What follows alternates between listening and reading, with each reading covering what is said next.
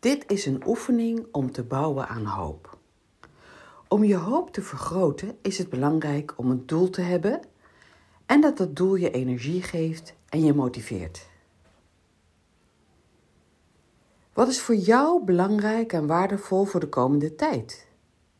Wat zou je in de komende dag, week of maand of in het komend jaar willen bereiken?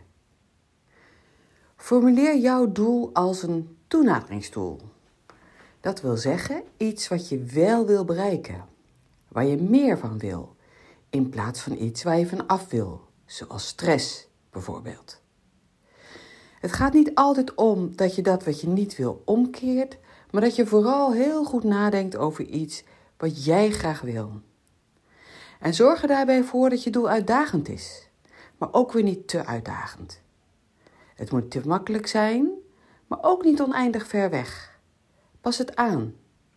Maak het iets groter, uitdagender of hak het juist in iets kleinere stappen.